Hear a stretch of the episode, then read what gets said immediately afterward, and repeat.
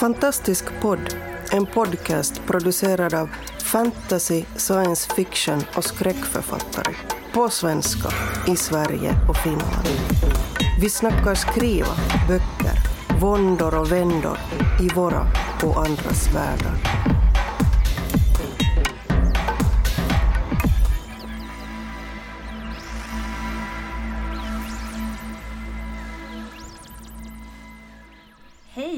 Välkomna till Fantastisk podd. Det här är Malmögänget som pratar. Och idag hänger vi faktiskt i min garderob. Eh, det är nämligen så här att vi tänkte att vi skulle läsa lite gamla texter. Vi ska alltså komma ut ur garderoben tänkte vi under detta lilla avsnitt. Och jag heter Charlotte Cederlund och med mig har jag Emma Andersson. Och Kristina Hård. Så vi kör igång. Det här är våra gamla, hemliga, skamliga, kanske, texter. Vi får se vad ni tycker. Ja, jag kommer faktiskt inte ens ihåg att jag skrivit dem så det känns lite nyupptäckt. Man fick rota runt ganska mycket i eh, gamla lådor och sådär men det, det fanns förvånansvärt mycket tyckte jag att välja mellan. Dock har jag kommit fram till att jag var mer av en illustratör än en författare på den tiden. Vilket är spännande. Någonting du ska tänka på nu i ditt skrivande. De är ganska halslösa karaktärerna skulle jag vilja säga. Eh, men dock, dock eh, så syns att det har lagt, jag har lagt ner ganska mycket tid på, på varje bild. De är väldigt fina kan jag säga till er som inte ser de här bilderna. Är det en, en uh, häst eller är det en Det är hund? såklart en häst med vingar. Okej, Eh, att du inte ser det är dock väldigt förvånande måste jag säga. förlåt. Men Emma, ska du börja läsa? Kan inte du berätta om den här äh, Hästen. hästen med vingarna? Ja, Jag hade ju tänkt egentligen börja eh, i kronologisk ordning. Ja okej, förlåt. Ehm, om man får göra, göra så. Absolut. Eh, och då eh, tror jag att den här är typ ett tidigt 1998 original skulle jag tro. Och vad betyder det? Att jag var åtta år när jag skrev den. Vi hade så här eh, typ fri skrivning i skolan och då fick man eh, skriva vad man ville. Den är väldigt kort. Den heter Sagan om trädet. Det var en gång ett träd som stod i en trädgård en dag kom en man till trädgården och fällde trädets mamma och då ropade trädets pappa hjälp. Och en häst som hette Nina som gnegade och då kom trädets mamma tillbaka och mamman förstod inte varför. Hon hade kommit tillbaka. Men då så hörde de en röst som sa att det var jag som gnegade. Vem var det som sa det? Det var jag. Du vet vem. Hästen Nina. Tack Nina för att du hjälpte mig. Men aj sa trädets mamma. Men det är inte sant. Det är en baby. Bravo! Applåder! Jag känner att det finns ett hästtema här. Jag känner mest att det här är typ, alltså om man får vara så, så känner jag att det här är liksom en kombination av Jesus och jungfru Maria i samma story. Och Eh, väldigt abstrakt. Väldigt så faktiskt. Det är liksom återuppståndelse, död och, och liksom liv på väldigt eh, kort tid. Ja. Men kommer du ihåg hur du såg på det här med att skriva? Alltså, man hade ju friskrivning i skolan, det hade Mm. jag också, det, kanske, det hade säkert ja, du också. jag också. Och, eh, jag kommer ihåg att man uppskattade väldigt mycket de här lektionerna. Man hade friskrivning Mm. och upp med böckerna och satte igång. Men hur, var din, hur såg du på dig själv? Liksom, såg du att du skulle kunna skriva vidare i livet? Var författarskap redan då någonting som du, du liksom siktade mot? Det intressanta är att i, i åttan som sagt så började vi ha fri skrivning och det är exakt, alltså, eller som åttaåring som jag insåg att jag ville bli författare. Det var liksom här det började för det var då jag kände att jag har ju så många bra idéer. Så det här liksom, det här är början på storheten. Ja, hur- hur var det med dig? När, när först, när det första kornet, jag vill bli författare, kan, kommer du ihåg hur gammal du var? Ja men det är ungefär samma, eller det är faktiskt den texten jag står och håller i min hand just nu. Eh, Jag gick i tredje klass tror jag. Hur gammal är man i trean? Ja, 9-10. ja något sånt. Eh, Vi hade också fri skrivning. Och jag skrev eh, den här berättelsen. eh, Jag har fyllt ett sånt här litet skrivhäfte. Jag vet inte om ni kommer ihåg de här A5 storlek. Dubbelt radavstånd. Eh, Jag har fyllt ett sånt här häfte med då en samlingsvolym som heter Mio och bio på äventyr. Och det står till och med nummer ett. Så det här är ju liksom bara första delen. Och eh, det finns två berättelser i den här boken som handlar om två katter. Eh, och det här var min, alltså jag skrev väl, jag tyckte det var jättekul att skriva och jag skrev eh, på den här eh, fria skrivningen. Och när den här var färdig, då hade jag ju fyllt en hel bok. Och det var där som det sådde mitt liksom, frö till det här skrivande, den skrivande framtiden. För jag hade ju skrivit en bok och därför var jag ju författare. Och då ville jag skriva fler böcker för det är det författare gör. Så det var liksom, det var så det började för mig. Så jag kanske ska, ska jag läsa en liten kortis här? Ni kan få höra om eh, Mio, Mio Bio möter pirater. Vi kan ju också se här en fin teckning med två katter. Den ena i en eh, blå-vit randig tröja. Den andra i någon sorts målarrock lila med röd rosett. Som illustratör själv vill jag också gärna berömma de här bilderna som jag dock tycker är mycket mer avancerade än mina egna. Jag var ju också lite äldre. dina bilder täckte hela sidan Ja. och det det är faktiskt någonting Mm, som man ska sträva efter som konstnär. Ja precis, där känner jag att jag har tappat lite. Jag har ju skrivit skrivstil dock så jag Ja. tror kanske att skrivandet kanske var eh, min grej mer än illustreringen. Eh, I alla fall, eh, Mio Bio möter pirater heter det här avsnittet. Det är två katter. Den ena heter Mio. Hon är svart med vit svans, vita öron och blåa ögon. Den andra är helt orange. Han heter Bio och han har gula ögon. Mio och Bio har ett skepp som heter Otello. Mio är styrman och Bio är kock. Båda är kapten, för det är inte så viktigt. En dag när de är ute på havet så ser de en svart båt med grå segel och piratflagga i topp. Bio, kom upp, här är pirater, ropar Mio som står vid rodret. Vi måste sticka, ropar Mio som är lite feg. Men Bio säger Nej, var inte feg nu Mio. Vi måste få stopp på sjörövarna. Men jag törs inte, säger Mio. Men jag gör det ändå. De åker närmare sjörövarskeppet för att gå i strid. Men sjörövarna är många, så ett, tu, tre sitter både Mio och Bio på båten fastbundna runt en mast. Cliffhanger! Ja det här var dramatiskt. Jag är intresserad, alltså verkligen imponerad av gestaltningen här, alltså i din eh, med beskrivning av karaktärer och så här. Ja, jo. Jag är verkligen imponerad av skrivstilen. samma här, samma här. Ja. Vi kanske ska lägga upp lite bilder på våra alster i bloggen. Ja, eh, jag har också med mig ett sånt här tidigt alster. Och Jag vet faktiskt inte riktigt när jag gjorde den här men eh, jag var nog inte åtta. Och jag har också lite, kanske inte så fina illustrationer. Det är en berättelse som heter När stjärnbilderna blev målade av älvor. Alltså bara titeln känner Ja, så det här är, det, ja, fy skam på oss andra känner jag. jag. Ja. En dag långt, långt fram i tiden, en varm dag. En sådan dag när solen lyser och alla blommor och träd är utslagna. En liten älva sitter i solen och svettas. Snart är det kväll, då ska alla älvor ut och flyga. Älvan som sitter i solen heter Fjunlätt. Hon ska också ut ikväll. Det börjar skymma. Alla älvor börjar samlas på stora ängen. Fjunlätt flyger dit. Där är tvillingarna Klinga och Plinga. Mina, ja. Där är tvillingarna Klinga och Plinga och Lill och Fin och Lillilina och många fler älvor. Det var en sån varm kväll att älvorna flög upp till stjärnorna och tittade på stjärnbilderna. Fjunlätt såg Karlavagnen och Lilla Björn, Stora Björn och Orions bälte och draken. Sen lekte älvorna pjätt. Nästa kväll var det lika varmt. De flög upp till stjärnorna igen. När de såg stjärnorna igen såg de trista ut. De beslöt att måla stjärnorna i alla möjliga färger. Nästa kväll var det varmt igen. De tittade upp på stjärnorna. De såg inte så fina ut som på nära håll. Älvorna ville måla stjärnbilderna. De gjorde det. Fjunlätt målade Karlavagnen och Lilla Björn, Stora Björn och Orions bälte och draken som hon sett i förrgår. Sen satte, satte sig älvorna på ett moln och såg på norrsken.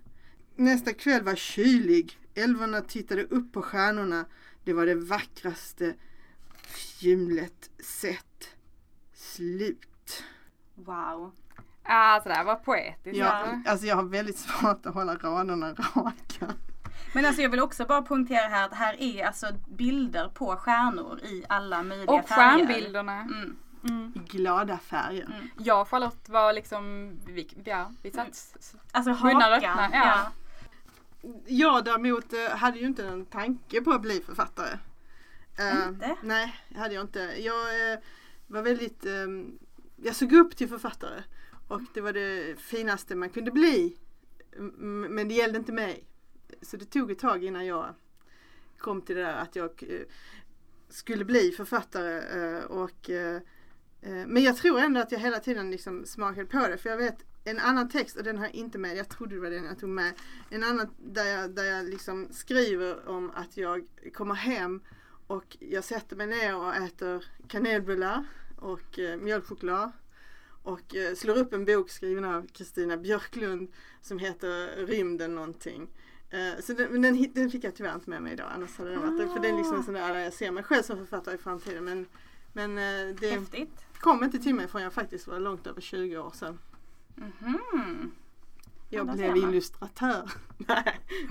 Nej, Jo men jag höll på med det. istället. ja. Ja. det gjorde du. Mm. Intressant. Men Emma du då? Du sa att du hade texter i kronologisk ordning. Ja. Så vi antar Ja, att din plan nu, har nu fortsatt. är det dags för hästen slash hunden som flyger. Mm. Mm. Fast det är inte, det är inte den som är huvudperson så bli inte besvikna nu. Eh, det, mm, det här är intressant. Och den kronologiska ordningen. Är att eh, det här är nog samma ålder fast man, man ser på handstilen att den har blivit en aning snyggare. Så jag tror att det har gått någon månad eller ja, kanske till och med ett halvår eller någonting. Men jag tror det är från ungefär samma tid. Bilderna är ungefär lika. Fantastiska. Väldigt fina. Mycket fina. Jag vet liksom inte riktigt vad det här är. En stege till sovloft. Men det finns redan en säng. Mm. Ja, det är, det är sådana saker jag har reflekterat över Och det här, är det? Jag tror att det är en by- byrålåda där, där halsbandet hoppar upp av sig själv. Ah. Eh, vilket är väldigt mystiskt. Det var en gång en flicka som hette Katrin. Och hon ville bli en änglaflicka och Katrin kom ihåg att hon fyllt år nästan precis. Katrin tog upp ett halsband ur sin låda och mindes att den hon fått den av sa att det var magiskt. Katrin hade blivit en änglaflicka och hennes stora syster Tina kom in och sa Vad har du nu hittat på för dumheter? Jag tog bara på mig mitt halsband och då blev vi änglaflickor och fick änglahästar. Men hur kom vi hit, sa Tina. Jag vet inte. Och de flög hem. Men när vi kom hem såg vi att vårt hus hade förvandlats till ett slott. Och vi flög upp på berget och in i staden och till slut kom vi fram till slottet. Och vi blev förvånade över det vackra slottet. Medan livet var härligt på berget Ängla och i Änglalandet så var det inte lika bra som i Änglalandet för där var livet hemskt. Där, för där regerade de onda, men de som bodde i Änglalandet det förstod inte att de onda höll på att förstöra berget. Eh, men de onda son var lika snäll som de i Änglalandet. Och en dag så var Katrin, som egentligen är Kristin, på promenad. Men då kom de onda efter henne med svärd och pilbåge och pil. Medan de onda tänkte ta Kristin så kom hon undan men då så blev hon träffad i vingen av en pil och föll till marken och svimade. Dum, Och dum, där ser man, man Det är en väldigt detaljerad actionscen här. Jag Ja, vill bara... ja, ja. Vi måste ändå, jag gillar ändå det att du gjort den ändå barnvänlig. Hon sv- svimar bara. Ja, ja, ja precis. Helt genomtänkt den var fin, den var jättefin. Den var jättefin ja. Jag vill också ha ett magiskt halsband känner jag. Mm. Det, intressant med den här är dock att ett, ett magiskt halsband kom sen med i min debutbok. Ja, jag tänkte just Ah. fråga det. Hur mycket Mm. känner ni att ni har liksom plockat med er ända från liksom de första trevande försöken? Finns det grejer? Ja, du har ja, ja och, och jag faktiskt, den här heter faktiskt Min magiska dröm. Eh, vilket eh, är, så handlar, heter min första bok Där drömmar blir till. Så det är lite på drömtemat eh, Ja, ja. där ändå. Eh, så det kan, eh, det kan ha varit eh, frön från den här eh, Ja. fantastiska första berättelsen. Liksom, som Intressant. det- jag har inga sådana tydliga kopplingar mer än eh, att jag tror eh, att, jag, eh, vill, att jag skrev serier. Det här var uppenbarligen liksom eh, nummer ett, den här eh, Mio Bio-boken. Och nu skriver jag ju en trilogi. Så att eh, det är kanske det enda jag har plockat med mig. Mer än rena idéer tror jag. Du då Kristina? Um, ja, faktiskt jag plockade med den här andra texten jag har um, med tanke på att den är full av snö. Eh, Om jag nu ska prata tema så, så har jag lite snötema här. Mm, låt höra. Och det är faktiskt ehm, också, jag tror att det är, måste nästan vara min första science fiction för att den utspelar sig 1992, vilket var i framtiden när jag skrev den. Hur mycket i framtiden? Eh, jag gick i åttan.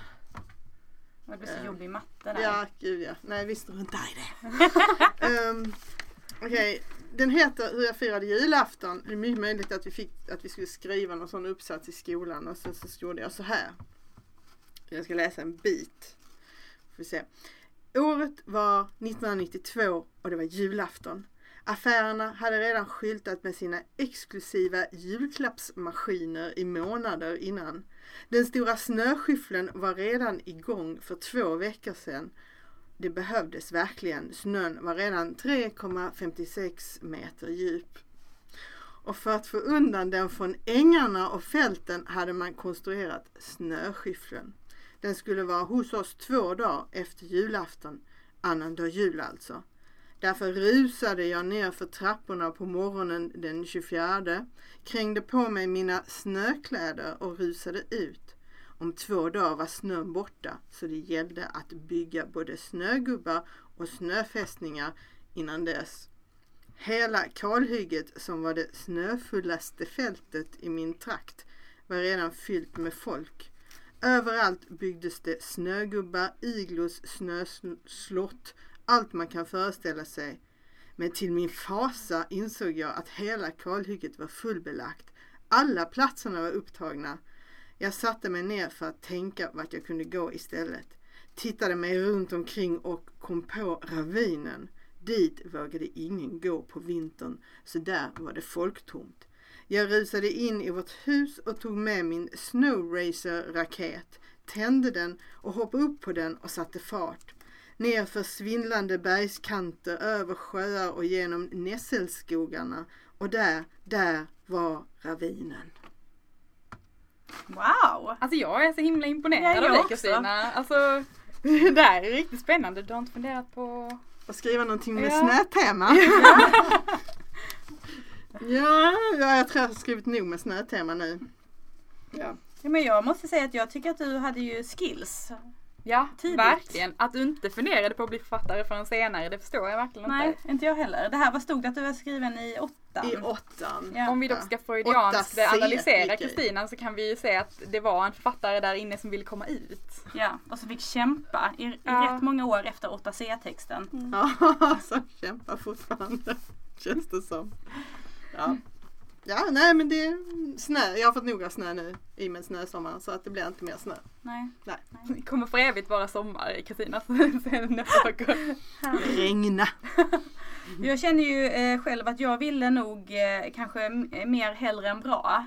Eh, och jag var väldigt så ambitiös i mina författarambitioner och skrev ju faktiskt en, en hel roman när jag gick i högstadiet. Det tog typ tre år. Alltså det är imponerande. Verkligen. Ja. Absolut. Jag var väldigt enveten. Jag, hade, jag vet att jag hade ett sommarlov då jag hade bestämt att jag skulle skriva en sida varje dag. Så det gjorde jag. Och den, eh, det, det är är fantasy. Det är väldigt inspirerat av David Edding som var en, en stor idol för mig på den tiden. Och jag skickade den till ett enda förlag, till Rebén och Sjögren. Som, som eh, tackade för manuset, sa att det var spännande men att det inte platsade i deras utgivning. Hmm, har vi hört den förut? Ja, men det, det var inte bara det vanliga refuseringsbrevet. Jag tror att de var mer generösa eh, på den tiden. Det De tyckte inte ju att in. det var spännande, det tycker jag ändå. Ja. Ja. De kanske mest tyckte att jag var gullig som var typ, vad jag nu var, 15. De vill inte döda din spirit liksom. Nej. Men jag tänkte ni ska få, jag ska läsa lite av denna med och här, nu börjar det liksom bli så att, eh, alltså det är ju roligt men det känns också lite jobbigt att läsa för att nu börjar, det ligger ju närmare nu. Och, det är, ja ni får se vad ni tycker helt enkelt. Den här boken heter Kirke. Kirke hade precis firat sin 16 födelsedag i ensamhet som vanligt. Han hade vuxit upp till en reslig ung man. Hans förut så ljusa hår hade mörknat och hade nu fått en nötbrun nyans. Han hade just släckt stearinljuset när ett dovt muller hördes. Han steg upp, men han såg inga blixtar ute och himlen var helt stjärnklar. Mullret hördes igen, nu ännu starkare än det förra och plötsligt fylldes hela rummet med ett starkt gult ljus. Kirke vände sig häftigt om och till sin förvåning såg han en gammal vithårig man stå bakom honom. Han fick inte fram ett ljud. Istället stod han bara med ögonen vidöppnade och fånigt gapande. Mannen hade långt silvergrått hår och ett skägg som räckte honom till magen. Hans ansikte var fullt av rynkor och hans blick ödmjuk. Hans gråa klädnad släpade nästan i golvet och manteln han bar var slängd eh, bak på ryggen. Stå inte där och gapa. Vi hinner inte med dig just nu, sa mannen med barsk stämma. Vem är du? frågade Kirke oroligt. Jag havar inget namn, men de mina kallar mig för ödet. Jag är gudarnas budbärare och här för att förtälja dig om just ditt öde, du kronans beskyddare. Mitt öde? Kirke tittade på honom. Jag har aldrig trott på ödet och gör det inte nu heller. Jaha, om du inte tror på ödet, muttrade mannen, då får vi kanske ändra utgångsläget lite. Vad sägs om uppdrag, värv? Ja, bestäm själv. Kan du då tro på det? Ja, stammade Kirke fram, det kan jag nog. Bra, då kanske jag kan förklara vad det hela handlar om. Kirke nickade stumt till svar.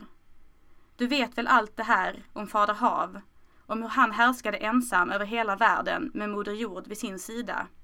Under den tiden hade han en krona.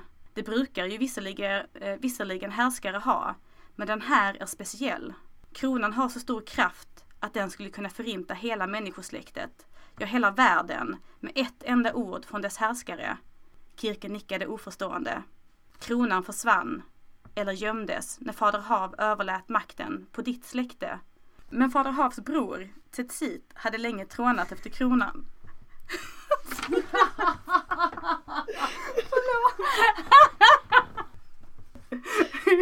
Vi får klippa bort det där. Det är bara så fint att den heter Fader av och så hade brodern så väldigt avancerat namn. Jag är nästan klar. Jag ska bara läsa det sista. Äh, Okej.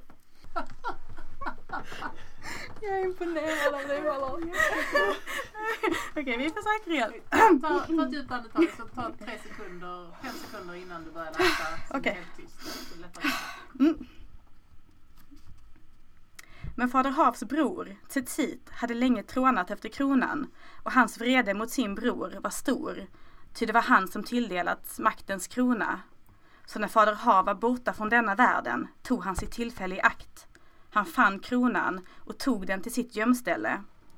Han kan inte själv använda kronan eftersom när fader Hav under sin regeringstid märkte att hans bror var ute efter makten och kronan gjorde han om den så att ingen annan av hans familj kunde använda den. Men nu när fader Hav inte längre är här finns det ingen som kan stoppa Tsetsit. Han har försvunnit och ingen vet var. Men hans mål är att skapa en människovarelse som kan härska över världen åt honom. Ja. Jag tyckte det här var jättebra. Dock måste jag säga att Setsit var det bästa skurknamnet jag någonsin har hört i hela mitt liv. Ja. Det var också väldigt så här avancerat med kuk, förhållande med kronan. Liksom, hur den fungerade och hur den liksom skapade vem som Ja, det, ha ja men den. det, var kändes väldigt, genomtänkt. Väldigt alltså. intrig alltså. Ja. Ja men jag tror att det här med att liksom spä ut bakgrundshistorien, det var inte riktigt, jag hade inte lärt mig det. Vi kör den här samtal. Ja, vi, vi blaskar in. Men å andra sidan så gjorde jag precis likadant i första utkastet av Middagsmörker. Men man, Där lär, låg man all- lär sig inte. alltså. Allting låg i kapitel 5. Det var en riktig infodump här i alla fall. Ja, ja precis. Så att eh, ja, jag är inte jätteledsen att Rabén inte ville ge ut det här. Kan jag väl säga. Ja, men jag tror ändå de såg potentialen till storhet. Alltså, jag tror Du det. tror det? Ja. Jag det jag kan säga är dock att alltså, jag tror att det som var skitbra med att jag faktiskt skrev den här, hela den här romanen, det var ju att när jag då eh, 20 år senare skulle sätta mig och skriva en ny roman så kändes det ju inte riktigt lika svårt för jag har ju redan gjort det här en gång. Du visste att du kunde. Jag visste att jag kunde spotta ur mig så mycket text. Mm. Att man kan fullfölja framförallt Mm. kan jag Hur, känna. hur lång var den? Alltså hur många ord? Det, jag vet inte för jag har en Nej. enda pappersversion kvar men den är ju nästan 100 sidor och då är det liksom bre- alltså det är ju väldigt smala är, marginaler. och det är inte en och en halv radavstånd det där utan det är bara vanligt radavstånd. Ja, Så, så i ärlighetens- imponerande. Ja, den är säkert inte jättemycket kortare än min ungdomsroman. Man kanske kan Den nästa då kanske. Om inte annat så kanske jag kan hitta lite ord här. Eh, Eller namn. Ja. namn. Jag, Ja. eh, jag tror staden de är i heter Narsevis. Oh, Mhm. Wow. Ja, Avancerat. som sagt David Eddings-inspirerad. Jag ser dock fram emot att se Setsit i nästa bok. Ja. ja, jag ska se om jag kan få in honom någonstans. Och kronan. Och kronan. Och kronan, ja. Ja, och den här människovarelsen kanske. Mm. Mhm. Ja, Ja, nej men underbart. eh, hade vi fler?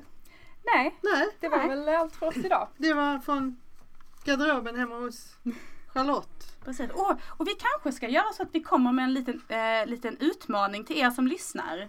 Har ni skrivit någonting som ligger i garderoben som ni skrev för länge sedan som kanske förtjänar att se dagens ljus? Fram med det! Ut på sociala medier, medier och eh, tagga oss i så fall så vi får se vad ni har skapat. Yes! Du har lyssnat på Fantastisk podd. Om du trivdes i vårt fantastiska poddsällskap och vill ha mer så hittar du äldre poddar och information om oss som deltar på vår hemsida under fantastiskpodd.se och på vår Facebook-sida Fantastisk podd. Har du frågor eller förslag på vad du tycker att vi ska tala om, hör gärna av dig antingen på Facebook eller via kommentarer på hemsidan. Vi hörs!